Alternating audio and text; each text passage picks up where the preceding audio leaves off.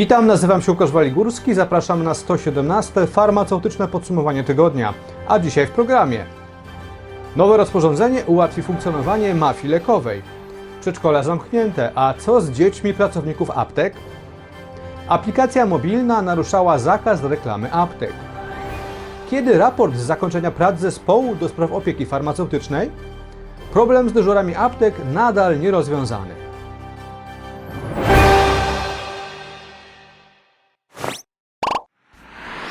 Partnerem programu jest portal leki.pl, rzetelne źródło informacji o leku dla Ciebie i Twojego pacjenta. Pod koniec ubiegłego tygodnia Ministerstwo Zdrowia oddało do konsultacji publicznych projekt rozporządzenia w sprawie podmiotów uprawnionych do zakupu produktów leczniczych w hurtowniach farmaceutycznych. Ten projekt wywołał sporo zamieszania i wiele kontrowersji w środowisku e, farmaceutycznym, ale także zarzutów ze strony samorządu aptekarskiego.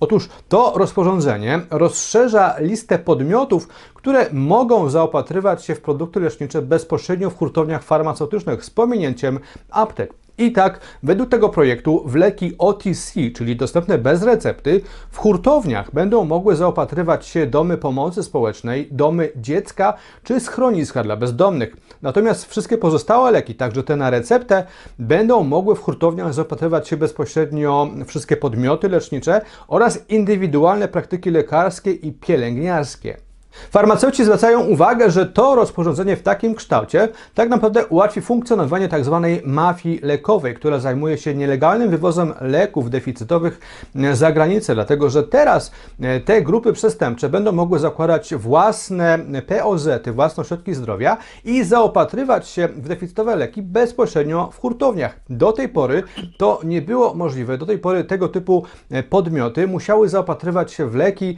za pośrednictwem aptek poprzez instytucję tak zwanego zapotrzebowania. I to właśnie przez ostatnie lata uszczelnianiem tego kanału dystrybucji leków zajmowało się Ministerstwo Zdrowia oraz Ministerstwo Sprawiedliwości. Tym jednym rozporządzeniem według samorządu aptekarskiego wszystkie te starania zostaną zniweczone.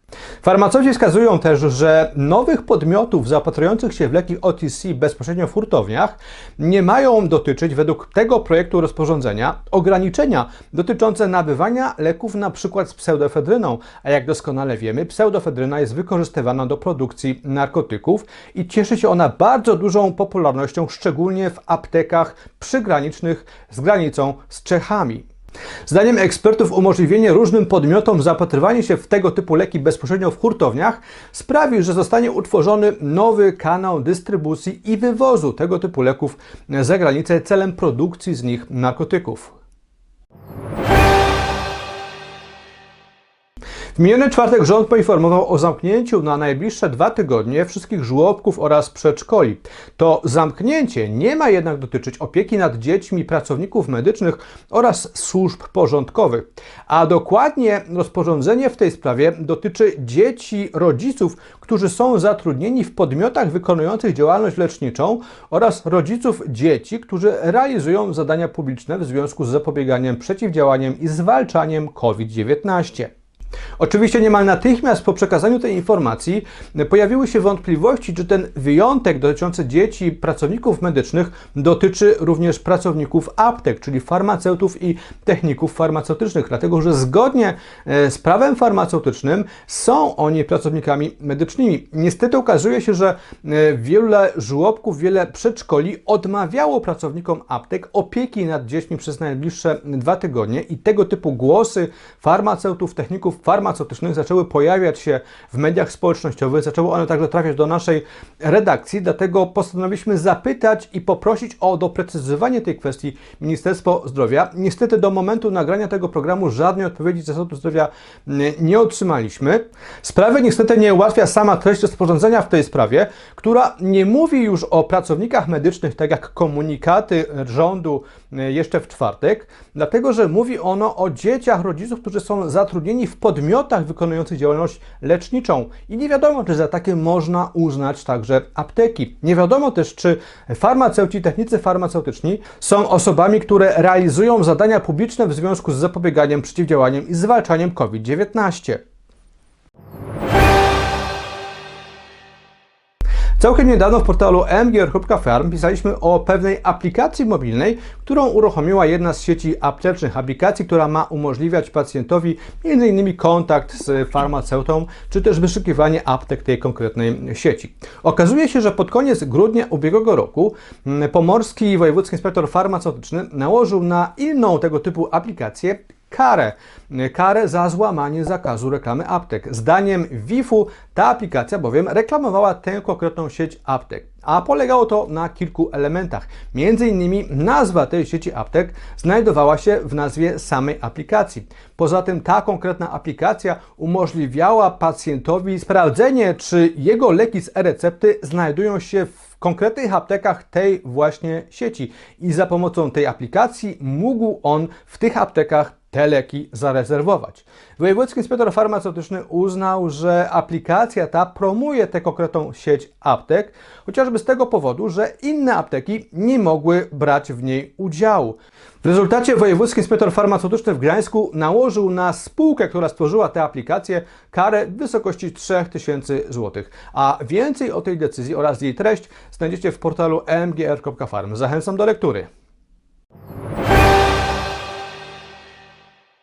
Cały rynek apteczny bez wątpienia czeka na kolejne kroki dotyczące wprowadzania do polskich aptek opieki farmaceutycznej. A tak naprawdę wszyscy czekają na pierwsze pilotaże konkretnych usług farmaceutycznych, które to pozwolą ocenić e, skuteczność opieki farmaceutycznej, ale także wypracować modele jej finansowania z budżetu Narodowego Funduszu Zdrowia.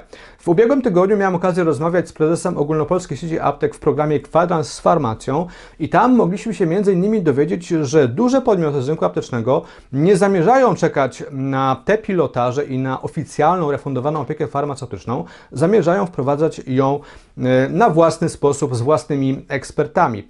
Jednocześnie wszyscy czekamy w napięciu, aż Ministerstwo Zdrowia podejmie w tej sprawie jakikolwiek e, dialog. Przypomnijmy, że w lutym swoje prace zakończył zespół do spraw opieki farmaceutycznej, e, który blisko rok wcześniej powołał minister zdrowia. Ten zespół wypracował raport, na którego podstawie mają być w Polsce wprowadzane kolejne usługi w ramach opieki farmaceutycznej. Okazuje się jednak, że przez miesiąc od zakończenia prac tego zespołu e, nic więcej się w tej sprawie, przynajmniej w sferze publicznej, nie wydarzyło. Wszyscy czekaliśmy, aż ten raport zostanie opublikowany, aż Ministerstwo Zdrowia mm, przekaże jakąkolwiek informację o dalszych krokach dotyczących prowadzenia opieki farmaceutycznej. E, Przez ten miesiąc nic nie działo, dlatego postanowiliśmy zapytać Ministerstwo Zdrowia, e, jakie kolejne kroki w tej kwestii e, planuje. Niestety resort zdrowia dosyć długo unikał odpowiedzi na te pytania, aż w końcu w ubiegłym tygodniu padła zapowiedź, że w przyszłym tygodniu zostanie opublikowany raport dotyczący opieki farmaceutycznej, który właśnie stworzył ten powołany przez ministra zdrowia zespół. Miejmy nadzieję, że będzie to zapowiedź też kolejnych działań resortu zdrowia e, w tej kwestii oraz zapowiedź e, rozpoczęcia pilotaży, na które wszyscy na rynku farmaceutycznym, na rynku aptecznym bardzo czekają. Mimo licznych zapowiedzi resortu zdrowia nadal nie został rozwiązany problem nocnych dyżurów aptek. Niemal co tydzień z całej Polski napływają informacje o kolejnych konfliktach między aptekarzami a przedstawicielami samorządów e, terytorialnych.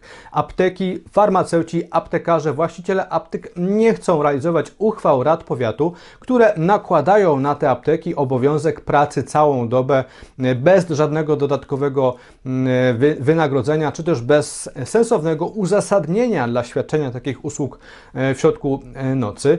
Ta kwestia była już wielokrotnie poruszana także w interpelacjach poselskich, które były kierowane do Ministerstwa Zdrowia. Między innymi w sierpniu taką interpelację do resortu zdrowia skierował poseł Jan Szopiński i tam w odpowiedzi na tę interpelację wiceminister Maciej Miłkowski zapowiedział, że resort kończy pracę nad własną propozycją rozwiązania problemu. Mimo, że od sierpnia minęło już kilka miesięcy, nadal te kończące się prace nad tym rozwiązaniem widać nie zostały zakończone, dlatego że nadal nie wiemy, jakie są plany resortu zdrowia dotyczące rozwiązania problemu nocnych dyżurów aptek. I najwidoczniej tym brakiem jakichkolwiek działań ze strony Ministerstwa Zdrowia został zniecierpliwiony także poseł Jan Szopiński, który kilka dni temu po raz kolejny wystosował do resortu zdrowia kolejną interpelację w tej sprawie, między innymi wskazując w tej interpelacji, że skutki zaniechań legislacyjnych rządu w sprawie funkcjonowania aptek ponoszą pacjenci z mniejszych miast i wiosek. I to już wszystko w tym farmaceutycznym podsumowaniu tygodnia. Bardzo dziękuję za uwagę. Po więcej doniesień z rynku aptecznego, rynku farmaceutycznego zapraszam tradycyjnie na portal emgr.farm. Tam codziennie przygotowujemy dla Was nowe doniesienia, nowe informacje o tym, co dzieje się na rynku aptek, na rynku farmaceutycznym. Ja oczywiście tradycyjnie zachęcam także do prenumeraty naszego magazynu dwumiesięcznika emgr.farm, który ukazuje się co dwa miesiące, jest największy w Polsce, bo aż 120 stron, a za jego roczną prenumeratę można zyskać nawet 12 punktów edukacyjnych. Bardzo dziękuję za uwagę i zapraszam na kolejne farmaceutyczne podsumowanie tygodnia już za tydzień.